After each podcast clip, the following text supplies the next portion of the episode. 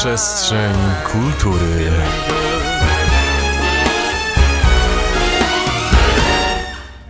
Dzień dobry, witam wszystkich bardzo serdecznie. Dzisiaj waszymi gospodarzami są Patrycja Rożniecka i Bożena Stolarz. Dzisiaj poruszymy temat kobiet.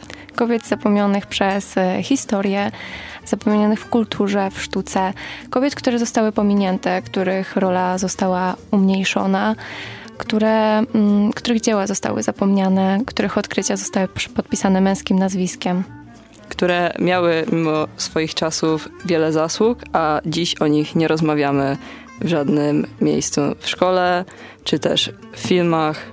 W przestrzeni publicznej rzadko kiedy się pojawiają, a były niesamowite i ich rola była znacząca dla rozwoju kultury, sztuki i w historii świata ogólnie. Kobieta, która zmieniła dziennikarstwo. Kobieta, która jako pierwsza okrążyła kulę ziemską. Kobieta, która udawała chorobę psychiczną w celu nadania reportażu. Kobieta, która nie bała się męskiego świata, w którym nie było miejsca dla płci żeńskiej. To właśnie Nelly Bly, a tak właściwie Elizabeth Cochrane, która urodziła się w 1864 roku na przedmieściach Petersburga. Jej szczęśliwe dzieciństwo zakończyło się wraz ze śmiercią ojca, kiedy miała 6 lat. Jej matka postanowiła ponownie wyjść za mąż. A małżeństwo było niestety nieszczęśliwe. W domu pojawiła się przemoc fizyczna ze strony ojczyma. To zdeterminowało mat to matka Elizabeth podjęła odważną decyzję decyzję rozwodu. Elizabeth musiała wtedy stanąć na wysokości zadania i zacząć sama na siebie zarabiać. Mogła jedynie liczyć na pracę nauczycielki. Los przewidział dla niej zupełnie inne stanowisko i dzięki jej zażartości, talentowi, dociekliwości i ciętemu językowi mogła wejść na inne tory, na te, na które chciała. Artykuł zatytułowany Do czego nadają się dziewczęta, ukazany w lokalnym dzienniku, odmienił życie Elizabeth. Treść opowiadała rolę mężczyzny w społeczeństwie, a jednocześnie uniżała kobietom. Odpowiedź na podstawione pytanie brzmiała: do kuchni, do opieki nad dziećmi, przy mężu, ale na pewno nie do pracy. Elizabeth pod pseudonimem Samotna Sierota wysłała do redakcji swoją pogardliwą opinię na temat tego artykułu. Jak się okazało, jej upór został doceniony przez samego redaktora naczelnego, który zamierzał zatrudnić autora listu. Ku zdziwieniu wszystkich, na rozmowie w redakcji stawiła się kobieta, która w mowie była równie przekonująca, co na piśmie. Lokalna gazeta zdecydowała się zatrudnić dziewczynę. Elizabeth, by móc pisać zgodnie ze swoimi przekonaniami, nie mogła podpisywać się własnym imieniem i nazwiskiem, dlatego przybrała pseudonim Nelly Bly, zainspirowany tytułem folklowej piosenki. Pisała serię artykułów na temat tragicznej sytuacji kobiet pracujących w fabrykach, ich gorszych zarobkach, molestowaniu oraz wyzyskiwaniu względem nich. Nie podobało się to inwestorom gazet, który, którzy w dużej mierze reprezentowali właśnie poszczególne fabryki. Kiedy nie było już dla niej miejsca, ruszyła do Meksyku. Tam pisała reportaże, zwłaszcza o reżimie dyktatora Diaza. Będąc niewygodną korespondentką na, miast, na ziemiach Meksyku, miała tylko dwie decyzje do podjęcia: albo trafi do więzienia, albo ucieknie do ojczyzny. Jednak wybrała trzecią opcję Nowy Jork. Tam otworzyła się przed nią nowa furtka. Dostała posadę i została zatrudniona w New York World, gazecie wydawanej przez Josepha Policera. Policer nie bał się wydawać artykułów wstrząsających opinią publiczną. Nelly była nadzwyczajnie zdeterminowana, aby w swojej pracy robić rzeczy, których nie robiła jeszcze żadna kobie inna kobieta. Stąd też powstał pomysł, by Nelly trafiła do zakładu psychiatrycznego Blackwell Island, by napisać reportaż na temat naruszania praw tamtejszych podopiecznych.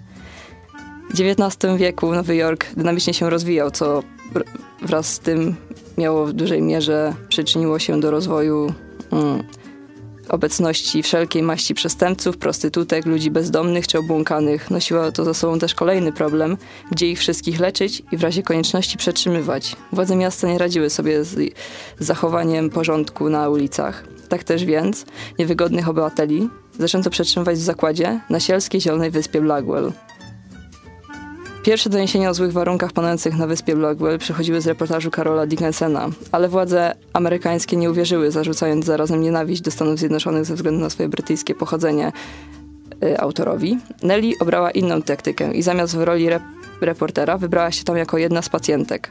W tym celu długo ćwiczyła miny, krzyki przed lustrem w swoim mieszkaniu. Kiedy była już gotowa, udała się do nowojorskiego przytułku dla bezdomnych kobiet. Tam twierdziła, że straciła pamięć. Na miejscu U kobiety stwierdzono obłęd i paranoję i w trybie natychmiastowym skierowano ją do nowojorskiego zakładu dla błąkanych na wyspie Blackwell. Tak właśnie rozpoczęła swoje 10 dni piekła. Nelly była świadkiem tragicznych warunków zamieszkałych osób, dla których nie było szansy ani na wyleczenie z choroby, ani na wyjście, ani nawet na ucieczkę. Pielęgniarki często były przyjmowane bez żadnych kwalifikacji, a lekarzy od pacjenta odróżniał jedynie biały fatru, fartuch. Obłęd w oczach był taki sam. Woda do kąpieli bardziej przypominała pomyję, była tłusta i brązowa, pływały w niej odchody i wszelkie robactwo. Często była niezmieniana przez kilka dni. Gdy kobiety nie chciały do niej wchodzić, wołano na pomoc salowych. Wstrząsające. Tak. Ale tak samo było z porcjami żywieniowymi, które były bardzo małe i nie dało się nimi zaspokoić głodu, a na stołówkach często dochodziło do kradzieży, co też skutkowało bijatykami między kobietami. Kilka dni po odzyskaniu przez Nelly wolności opublikowała ona swój pierwszy artykuł na temat skandalicznych warunków panujących na tej wyspie i wywołał sensację w kraju. Dzięki temu też powołano komisję śledczą i po zbadaniu sprawy zamknięto placówkę na całe szczęście i zdrowe kobiety wypuszczono do domu, a prawdziwie chorych przewieziono do innego zakładu z odpowiednią z odpowiednimi warunkami. Kolejny szalony pomysł Nelly zaczerpnęła z historii, z historii w 80 dni dookoła świata Juliusza Verne. Policer początkowo sceptycznie podchodził do pomysłu, aby kobieta samotnie obkrążyła Ziemię, jednak finalnie zgodził się na to – i tak 14 listopada 1889 roku, ubrana w kraciasty płaszczyk i z podróżnym neseserem w ręku Nelly, przeszła, Nelly weszła na statek i wyruszyła w świat. Dziennikarka nadała telegramy skąd tylko mogła, a jej relacje cieszyły się sporym zainteresowaniem. Na rynek wypuszczono grę Podróżuj z Nelly oraz uruchomiono konkurs Zgadnij czy zdąży, a szczęśliwiec, który wytypuje właściwą datę powrotu Nelly, sam miał okazję wyruszyć w podróż po Europie. Nelly sama podróżowała m.in. przez Anglię, Egipt, Singapur, Sri Lankę, Chiny, Japonię. We Francji nawet miała okazję spotkać pisarza właśnie powieści, którą się zainspirowała, Juliusza Verne. 25 stycznia 1890 roku Nelly dopłynęła do Stanów Zjednoczonych, jednocześnie bijąc rekord właśnie Verne. Nelly Bly okrążyła świat w 72 dni, 6 godzin, 11 minut i 14 sekund. Jak się okazało, kobieta wcale nie potrzebowała do tego mężczyzny. Elizabeth napisała książkę o swoich przygodach, zyskując sławę oraz stojąc się symbolem rzeczy niemożliwych. Mimo to nie podniosło to ani jej zarobków, ani nie przyczyniło się do tego, abyśmy dzisiaj ją pamiętali albo chociaż kojarzyli. Tak, i jest to niesamowicie okropne, dlatego że Nelly była po prostu niesamowita. To, czego dokonała na kobietę żyjącą w tak trudnych czasach, jest po prostu niezwykłe i ona sama w sobie była niezwykła. Moim zdaniem powinna być niezwykłą inspiracją dla współczesnych dziennikarek, ponieważ łamała wszelkiego rodzaju bariery, była odważna i podejmowała kroki, których nikt inny wcześniej nie podjął. Nie bała się walczyć o swoje miejsce. Dokładnie. Niezwykła malarka, która swoim talentem dorównywała Caravaggiemu. Była nie tylko jedną z pierwszych kobiet zajmujących się profesjonalnie malarstwem, ale też pewną swego talentu artystką, która za pomocą sztuki dokonała zemsty na swoim gwałcicielu. W ten sposób opowiemy o mm, Artemisi Gentilessi. Była ona barokową malarką, która jako e, jedna z pierwszych kobiet w historii w ogóle zajmowała się profesjonalnie malarstwem i właśnie z malarstwa się utrzymywała. Była córką rzymskiego malarza e, oraz jego Gentilessi e, i to właśnie dzięki ojcu i jego pracy zainteresowała się malarstwem. Od dzieciństwa spędzała czas w pracowni. E, była znana z tego, że nie miała w sobie dziewczęcej ogłady, kleła jak szewc, e, za co wielu ją krytykowało. Za to Artemisia głównie skupiała się na malarstwie i na doskonaleniu swej sztuki. Kiedy miała 19 lat, została e, zgwałcona przez e, ucznia swojego ojca, co wywołało traumę na dziewczynie. Przez bardzo, bardzo wiele lat nie potrafiła się po tym pozbierać. E, związek z gwałcicielem trwał kilka miesięcy. Obiecywał on ślub Artemisji. Jednak do ślubu nie doszło, a dziewczyna ostatecznie opowiedziała o wszystkim swojemu ojcu. To właśnie on postanowił wytoczyć proces sądowy. Jednak podczas procesu to najbardziej ucierpiała Artemisia wobec ówczesnego sądownictwa, aby jej zeznania były prawomocne, musiała zostać poddana torturom, okrutnym torturom, polegającym m.in. na miażdżeniu jej palców. Ostatecznie jej jej oprawca został skazany, jednak to na Artemisję spadła fala krytyki. Była uważana za kobietę lekkich obyczajów. Przez to została zmuszona do ślubu i do wyjazdu z ukochanego Rzymu. Przeniosła się do Florencji. Jej mężem został e, sługa rodu mm, Medyceuszy. I to właśnie dla tego rodu Artemisja zaczęła malować. Okres życia we Florencji był dla niej niezwykły. Nie dość, że miała wspaniałego, kochającego męża, który bardzo o nią dbał, który poświęcił swoje życie załatwaniu dla niej kolejnych zleceń malarskich. Doczekała się również z nim czwórki dzieci, jednak tylko dwójka przeżyła wiek dziecięcy. Co więcej, Artemisia zaczęła malować obrazy, na których e, jako kobieta przedstawiała, przedstawiała siebie jako kobietę, jako Judytę, e, dokonująca zemsty na mężczyźnie, który przypominał mężczyznę, który ją zgwałcił. Była niesamowita i udowadniała to na każdym kroku. Zachwycała wszystkich na bankietach, zaczęła rozwijać swoją wiedzę i erudycję. Stała się prawdziwą damą, której nikt, obok której nikt nie mógł przejść obojętnie. Co więcej, sam i talentu zaczął zazdrościć jej ojciec, który na wiele lat zerwał kontakt z córką, e, dlatego że po prostu zazdrościł tego, jaką wspaniałą artystką Artemisia się stała. E, nie mógł sobie tego wybaczyć, uważał, że kopiuje ona jego styl. Jednak okres we Florencji dobiegł końca. Małżeństwo z mężem zaczęło się sypać po śmierci dzieci mm, i nie uratowała tego nawet narodziny córki. Wyprowadziła się do Rzymu, gdzie e, wraz ze swoją córką wynajęła dom. Zaraz zaczęła dostawać zlecenia od papieża, a wkrótce także od króla Anglii. E, poza nią zlecenie od króla Anglii zyskał również jej ojciec, który poprosił Artemisję o pomoc. W ten sposób doszło do pogodzenia Artemisji z ojcem, którego bardzo kochała i którego bardzo ceniła jako artystę. Dalej losy Artemisji były mm, bardzo różne, e, kręte. Tak, e, co więcej, e, nie przestawała malować mimo wszystko, mimo wszelkich perturbacji, e, mimo wielu przeprowadzek, mimo tego, że w pewnym momencie stała się bardzo uboga. Ostatecznie zmarła właśnie w ubóstwie i świat o niej zapomniał. Nie wspomina się teraz w szkołach o jej obrazach i została na nowo odkryta dopiero w XX wieku, w latach 60. i ba współczesni badacze mieli problem z przypisaniem jej obrazów właśnie do niej, gdyż, um, gdyż po prostu nie reprezentowała stylu typowo kobiecego dla tamtych czasów, nie malowała martwych natur, nie malowała kwiatowych kompozycji, malowała okrutne i krwawe sceny które nie były zarezerwowane dla sztuki głupiacej. Co więcej, w jej sztuce przejawiał się motyw biblijny, który również był zarezerwowany dla mężczyzn i to głównie męscy artyści tworzyli w tym motywie. Czyli jednym słowem kobieta, która nie dała się pokonać mężczyznom i walczyła o swoje, mimo trudności życia. Tak, to tak. prawda. Zatrzymana przez policję za nieobyczajny ubiór na plaży, występująca w nago w filmie Jak na te czasy w których żyła, to wystarczyło, żeby nazwać ją skandalistką. A kim Annette Kellerman była naprawdę. Wczesne dzieciństwo nie było dla niej najszczęśliwszym okresem. W wieku 6 lat zachorowała na polio, przez co choroba osłabiła jej mięśnie nóg. Przez wiele lat nosiła na nogach ciężkie szyny. Kiedy lekarze zaproponowali, zaproponowali rodzicom, aby zapisała się na pływanie, sport miał być sposobem, aby wzmocnić jej mięśnie. Terapia nie tylko pomogła Anet wyzdrowieć, ale również sprawiła, że odkryła swoją największą pasję, jaką zostało pływanie. Kiedy miała około 16 lat, została mistrzynią regionalnych zawodów w pływaniu na 100 yardów stylem dowolnym i pobiła światowy rekord kobiet na tym dystansie, pokonując go w minutę i 22 sekundy. Swój pierwszy długi dystans przepłynęła rzeką Jar, przecinając, przecinającą Melbourne. Był to 10 mil, czyli około 16 kilometrów.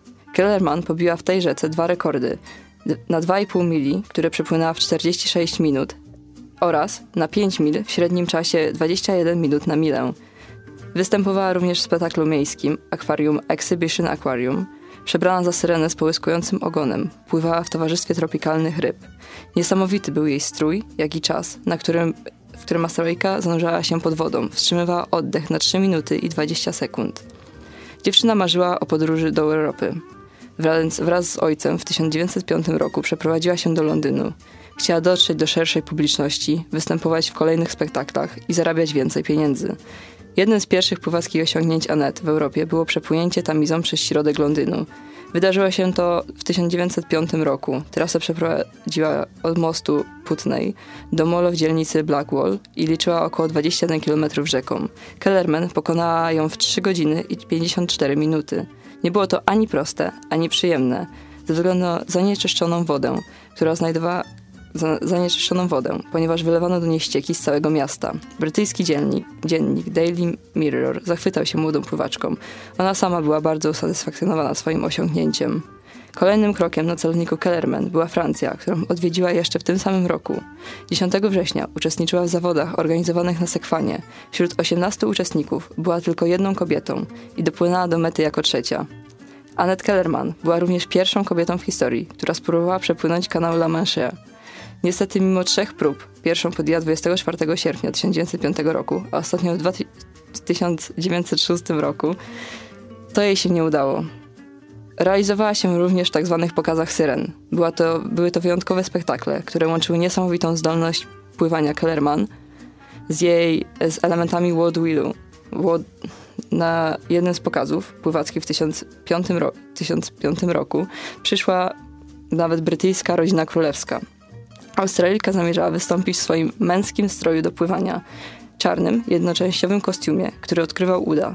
Została jednak poinformowana przez organizatorów wydarzenia, że widok gołych nóg byłby dla brytyjskiego dworu niedopuszczalny, ale szybko rozwiązała ten problem, przyszywając do kostiumu czarne ponczochy. Tak powstał prototyp rewolucyjnego kostiumu kąpielowego dla kobiet, wygodnego, ale jednocześnie skromnego.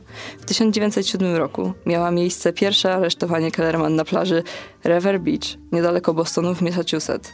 Chcąc udoskonalić swój strój do pływania, Anet ostatecznie zrezygnowała z nogawek. Pokazanie nóg pod, pod kolanem Władze uznały za akt obsceniczny, ale jednocześnie byli tego zdania. Ale nie wszyscy byli tego zdania. Kobietom spodobał się kostium, który był nowoczesny, funkcjonalny, wygodny.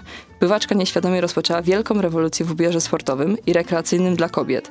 Od około 1911 roku stworzyła szereg strojów kąpielowych, obcisłych, na ramionczkach i z krótkimi nogawkami oraz rę rękawami. Była to zupełna nowość na rynku. Kellerman zagrała również w około 20 filmach. 1911 roku wystąpiła w Morskiej Syrenie, a w 1914 roku w Córce Neptuna. Jednak to e, nie był jedna z jej największych i znaczących produkcji. Taką była Córka Bogów, która, w której to kobieta jako pierwsza w historii wystąpiła na ekranie zupełnie nago. E, mimo to nie było widać żadnych e, części ciała, ponieważ były one przykrywane na przykład włosami oraz innymi takimi zabiegami scenicznymi. Film nakręcił słynny producer William Fox, założyciel Fox Film Corporation. Niestety nagrania prawie wszystkich produkcji z jej działem zostały zagubione, tak jak większość innych filmów powstałych przed 1929 rokiem. Jedynym filmem z Kellerman, który można dziś zobaczyć, jest Wenus z południowych mórz z 1924 roku. Zawiera on obszerne sceny rozgrywające się pod wodą z Australijką w roli głównej. Otrzymywała ona mnóstwo listowych pytań o sekretny swojej formy fizycznej. Postanowiła więc opublikować poradnik. I tak powstała książka How to Swim. Były również kolejne publikacje, które promowały zdrowy i aktywny tryb życia. Anet otworzyła nawet w Kalifornii sklep z wegetariańską żywnością. Za to Kellerman pływała aż do śmierci. Zmarła w wieku 89 lat, a jej prochy zostały rozsypane wzdłuż wielkiej rafy koralowej u wybrzeży Australii. Hollywood oddało pływatce hołd filmem biograficznym Million Dollar Mermaid z 1952 roku. Y, a w 1974 roku trafiła do Międzynarodowej Galerii Sław w pływalni International Swimming Hall of Fame na Florydzie. Ponadto jej imieniem i nazwiskiem nazwano jedną z pływalni w Sydney. Posiadała ona nawet własną gwiazdę na hollywoodzkiej Alei Gwiazd. Niesamowite, a w zasadzie nigdy wcześniej się z nią nie spotkałam e... i mało się o niej słyszy. E, to prawda. Samej na przykład na Wikipedii jest bardzo niewiele o niej napisane, a z artykułów, które są w języku polskim spotkałam dwa. Więcej jest y, zagranicznych publikacji o niej niż polskich, więc to jest bardzo przykre, ponieważ osiągnęła bardzo wiele rzeczy w dziedzinie pływania, ale również i jeżeli chodzi o styl wśród tak. kobiet. Tak, i w ogóle zapoczątkowała taką zmianę obyczajową, co jak na tamte czasy wcale nie było łatwe, e, przebić się z czymś takim. Poza tym też wspomniałaś o tym e, sklepie wegetariańskim. Tak. To też było bardzo rewolucyjne, moim zdaniem. Starała się łamać stereotypy i zmieniać myślenie o ciele kobiet i walczyła również z regułami, jakie były w tamtych czasach dla nich. Tak, i za to powinniśmy ją podziwiać. Margaret Kane, czyli kobieta, która malowała niezwykłe obrazy przedstawiające postaci o wielkich oczach. Jej historia jest niezwykła, zaskakująca i bardzo trudna. Urodziła się w 1927 roku e, w Tennessee. Wyszła za mąż e, za e, mężczyznę, który bił ją przez bardzo wiele lat, doczekała się z nim córki. Ostatecznie, kiedy odważyła się od niego odejść i przynieść się do San Francisco, zakochała się w innym mężczyźnie, w Walterze Kane'ie. Myślała, że jej życie się odmieni i stanie się lepsze. Od zawsze uwielbiała malować i to właśnie temu postanowiła się poświęcić. Jej mąż Walter bardzo ją w tym wspierał. E, organizował wystawy jej obrazów w klubach nocnych. Jednak e, Margaret nie wiedziała, że Walter przedstawia się jako autor tych obrazów, a kiedy się dowiedziała, było już za późno, żeby się z tego wycofać. Dlatego Margaret poszła w to kłamstwo i zaczęła wspierać męża jako artystę. Wkrótce jego obrazy, a w zasadzie obrazy Margaret, które on sygnował swoim imieniem, stały się niezwykle popularne. Zaczęły pojawiać się nawet na pocztówkach w różnych e, miejscach w Stanach Zjednoczonych. I mimo tego, że krytycy byli dość sceptyczni i nie podobałyby im się obrazy Keina. Mówili, że są kiczowe i jak coś takiego może trafić w ogóle do muzeum. Mimo to były, zyskiwały tylko na popularności. Między innymi Andy Warhol stwierdził, że jeżeli coś się ludziom podoba, to faktycznie jest to sztuka. Kane dorobił się olbrzymiego, miliardowego majątku, stał się niezwykłym artystą, e, poważanym na salonach. Margaret została tylko skromną gospodynią domową, a przynajmniej tak wszystkim się wydawało. Walter e, zmuszał ją do e, tego, aby malowała obrazy, zamykał w piwnicy, stosował na niej przemoc psychiczną, groził śmiercią jej i jej córeczce z poprzedniego małżeństwa. Margaret wytrzymywała tak przez wiele, wiele, wiele lat, aż w końcu postanowiła odejść od Waltera. Przeniosła się z córką na Hawaje, do Honolulu. Tam zaczęła nowe życie. Hawaje były dla niej prawdziwym rajem i stały się domem. Wkrótce wysta- wystawiła pozew przeciwko mężowi i postanowiła się od niego uwolnić.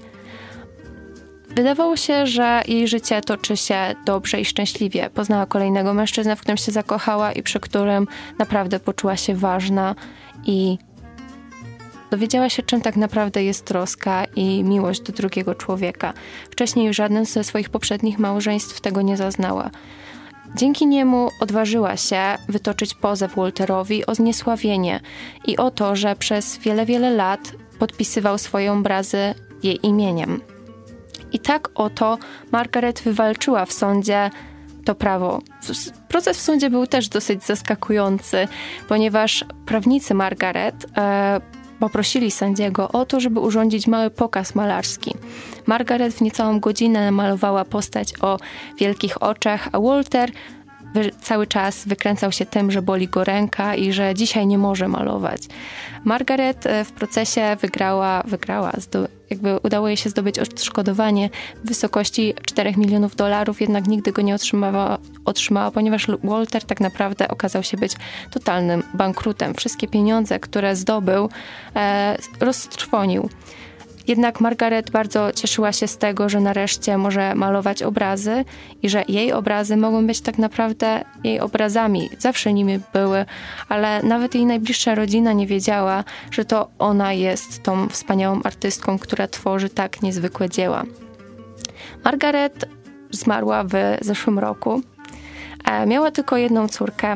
Została też e, wraz ze swoją córką świadkiem Jehowy i to też była kolejna rzecz w jej życiu, która była niezwykle dla niej ważna, bo też właśnie w wśród świadków Jehowy odnalazła taką duchową stronę i bardzo się rozwinęła.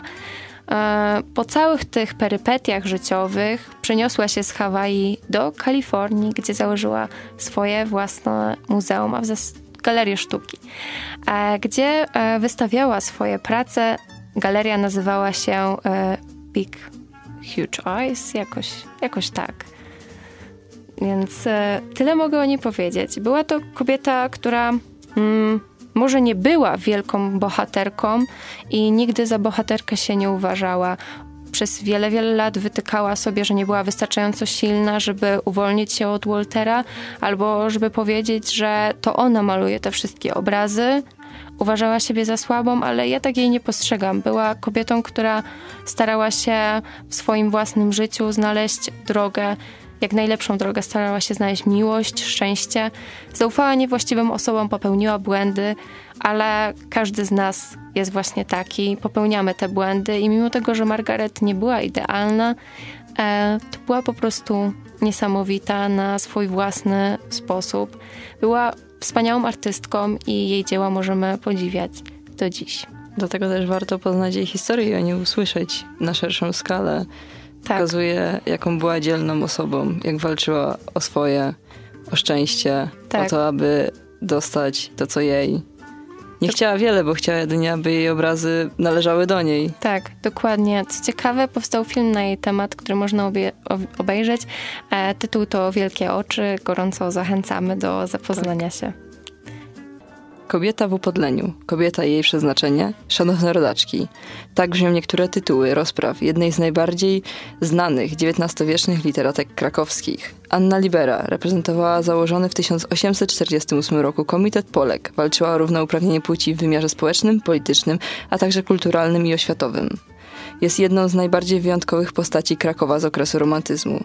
Swoje życie podporządkowała dwóm pasjom literaturze i aktywności społecznej. Nie miała ona wykształcenia, a haftowanie zapewniło jej pieniądze na utrzymanie.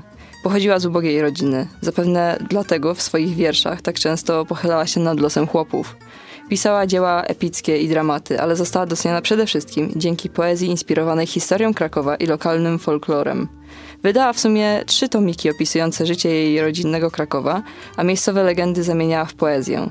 Najpopularniejsze, najpopularniejsze utwory w jej twórczości, czyli tzw. Tak krakowianki, czyli pieśni stylizowane na pieśni ludowe, nawiązujące do romantycznej narodowości oraz regionalizmu, są do dziś wykorzystywane i wykonywane przez zespoły folklorystyczne. W licznych wystąpieniach, apelach i esejach wysuwała swoje postulaty, w których domagała się poprawy życia kobiet. Dlatego też można śmiało ją nazwać mianem emancypatki. Większość prac, libery, nie zostało jeszcze opublikowanych i nadal jest w formie rękopisów w krakowskiej Bibliotece Żartoryskich. I to w sumie tyle, ile udało nam się zdobyć informacji na temat Anny Libery, ponieważ niewiele istnieje zapisów na temat jej historii, jej dokonań. No i jak jest przedstawione, również niewiele jest opublikowanych. Tak, i jest to mm, niesamowicie bolesne, gdyż w szkole tak naprawdę podczas omawiania romantyzmu dowiadujemy się o tylu poetach i twórcach tak. romantyzmu, ale wszyscy oni to są mężczyźni, tak, a nie bardziej, słowa o kobietach. Ona była znana w swoich czasach bardziej niż jest znana teraz. Teraz o niej prawie nic nie słychać, nic nie widać, a powinniśmy ją również uwzględnić. Tak, zwłaszcza, że też była poetką, która bardzo się przyczyniła e, do twórczości polskiego romantyzmu, więc to jest absolutnie niezrozumiałe i niesamowicie przykre, że jej rola i ona sama została pominięta, a to, tak. że jej dzieła nawet nie zostały jeszcze opublikowane, bardzo wiele, wiele świadczy i bardzo wiele mówi o tym, jak bardzo patriarchat dobrze się ma i dobrze się trzyma. Tak żyjemy. No ale my dzisiaj o niej wspomnieliśmy, więc to są małe kroki, które dostaje i trochę sprawiedliwości dla Anny Libery. Dokładnie. Ostatnią kobietą, o której dzisiaj opowiemy, była Mary Anning, czyli pierwsza paleontolożka w historii. Urodziła się ona na przełomie XVIII i XIX wieku w Wielkiej Brytanii, w bardzo biednej rodzinie. Jej ojciec, e, aby utrzymać rodzinę poza e, pracą stolarza, dorabiał sobie jako e, zbieracz e, znalezisk i skamielin, które później sprzedawał turystom. Kiedy Mary Enning miała niecały rok, zdarzyła się dość niecodzienna sytuacja, kiedy jej sąsiadka Elizabeth z dwoma innymi kobietami trzymało dziecko pod drzewem. W pewnym momencie w drzewo uderzył piorun. Wszystkie trzy kobiety zginęły na miejscu, jednak mała Mary przeżyła. Kiedy Mary miała niecałe 12 e, lat, zmarł jej ojciec, przez co wraz ze swoim bratem musiała utrzymać całą rodzinę. zaczęli zbierać e, skamieliny i zaczęli je sprzedawać tak, aby e, rodzina miała w ogóle co jeść. E, w ten sposób, kiedy Mary miała 12 lat, odkryła szkielet ichtiozaura, co było niesamowitym odkryciem, ponieważ był to pierwszy w całości odnaleziony szkielet tego dinozaura. Następnie Mary przez bardzo, bardzo wiele lat e, zbierała różne skamieliny, odkrywała e, kolejne szkielety e, różnych pradawnych istot, aż w pewnym momencie jej pracą zainteresował się pewien bogacz, e, który sprzedał kolekcję swoich obrazów tak, aby e, pozwolić utrzymać się Mary. W pewnym momencie jej brat e, zrezygnował ze zbierania skamielin i Mary zajęła się tym sama. Robiła to ze swoim ukochanym psem Trejem. E, I na tym spędziła w zasadzie całe swoje życie. E, mimo tego, że była bardzo biedna, e, zaczęła się uczyć, dokształcać. Mimo tego, że no nie było ją na to stać, robiła co mogła, czytała wszystko, co jej wpadło w ręce. Mm, najsmutniejsze było jednak to, że jej odkrycia zaczęły być e, wykorzystywane przez innych badaczy, którzy zaczęli przyjeżdżać do jej rodzinnej miejscowości, korzystali z jej rad, a później bardzo często pomijali Mary w swoich pracach, artykułach. Mm, jej nazwisko bardzo często nie było w nich publikowane, a byli to, były to nazwiska jakichś przypadkowych osób, robotników, rzemieślników. Mm, co gorsza, Mary nie została nawet wspomniana w książce Darwina, który wykorzystał jej pracę, jej odkrycia, e, żeby udowodnić swoją teorię ewolucji, co już jest moim zdaniem skandaliczne, gdyż e, ona po prostu na to zasługiwała. Pracowała na to całe swoje życie, mimo tego, że była kobietą, była kobietą, która żyła naprawdę na skraju ubóstwa, starała się realizować, spełniać miała swój ogromny wkład w rozwój nauki. Dlatego też moim zdaniem absolutnym minimum był fakt, że po jej śmierci została przyjęta do londyńskiego mm, Stowarzyszenia Geologicznego. Jednak było to za mało. Zauważmy, że to dopiero po śmierci. To dopiero po śmierci. I w zasadzie nie wspomina się o niej w bardzo wielu podręcznikach. Tak. Jej nazwisko jest pomijane i informacji o niej także jest jakby niewiele. Są one bardzo szczątkowe. E, dlatego jest to przykre i taki los spotkał bardzo wiele kobiet, o których dzisiaj właśnie mówiłyśmy. A wiele odkrywa i dzięki niej mamy też wiele informacji na temat paleontologii. Tak, tak. Dokładnie. Ale tak jak mówię, większość kobiet, o których dzisiaj opowiadałyśmy, e, spotkał taki los, co było... Zostały jest... po prostu zapomniane, tak. wykorzystane. Ich historie w magiczny sposób znikały i nie mówi się do nich do dzisiaj, aż do dzisiejszego dnia, mimo że mamy już więcej informacji na ich tematy. Tak. ale wciąż jakby decydujemy się, aby pominąć je i dać więcej miejsca mężczyznom.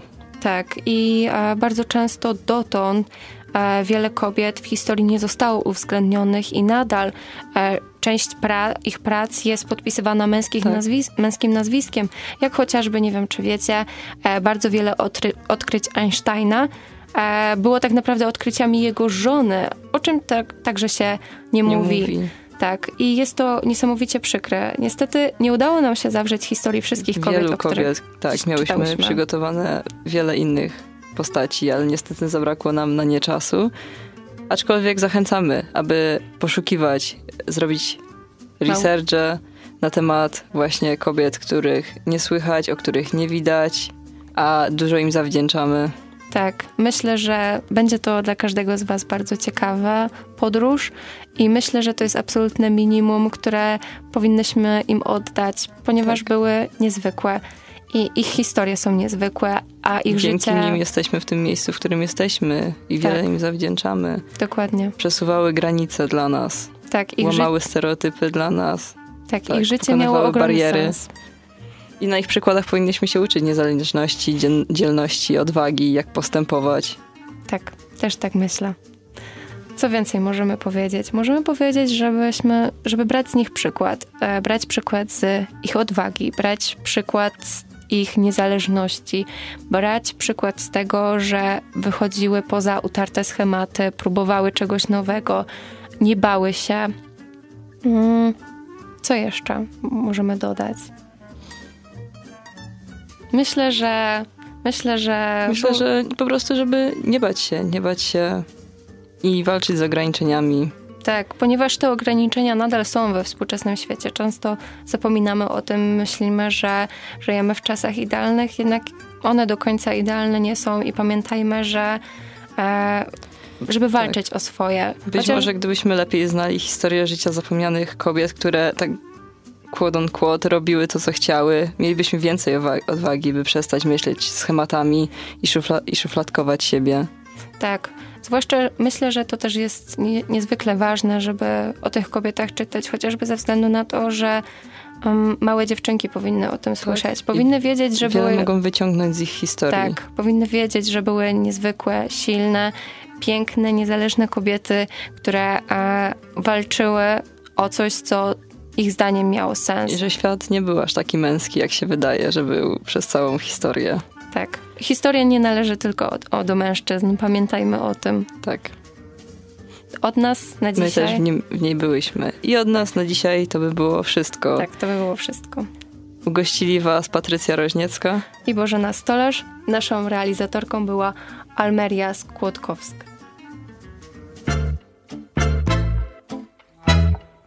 Przestrzeń kultury. Przestrzeń kultury.